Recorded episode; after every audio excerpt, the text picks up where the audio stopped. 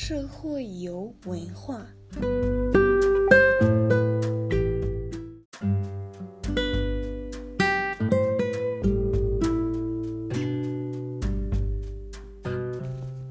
中国文化是世界上最古老的文化之一，至今至今已已有数千年历史。文化上占主导地位地地区覆盖了东亚的广大地理区域，而目标城市甚至甚甚至城市地区的习俗和传统差异很大。历史上，中华文明一直被认为是东亚的主要文化，因为中国是最古老的文明之一，所嗯所以所以嗯，迄今为止，中国文化已经对亚洲的哲学、美德。道德和传统产生了深远的有影响。中国具有许多文化特征，特征例如例如陶器、建筑、音乐、舞蹈、文学、武术、神品。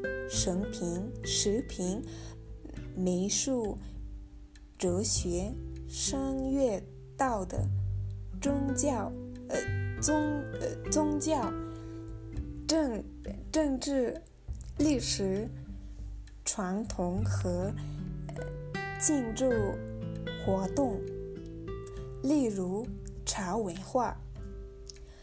饮茶在中国已有。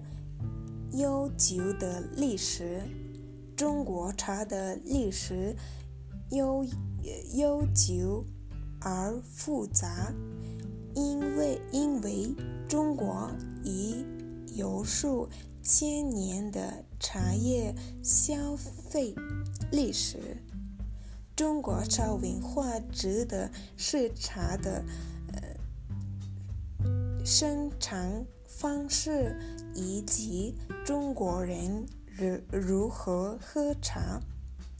中国的茶文化由欧洲其他其他亚洲国家，嗯，如英国和日本的制备，嗯，口味和饮用茶的人不不同。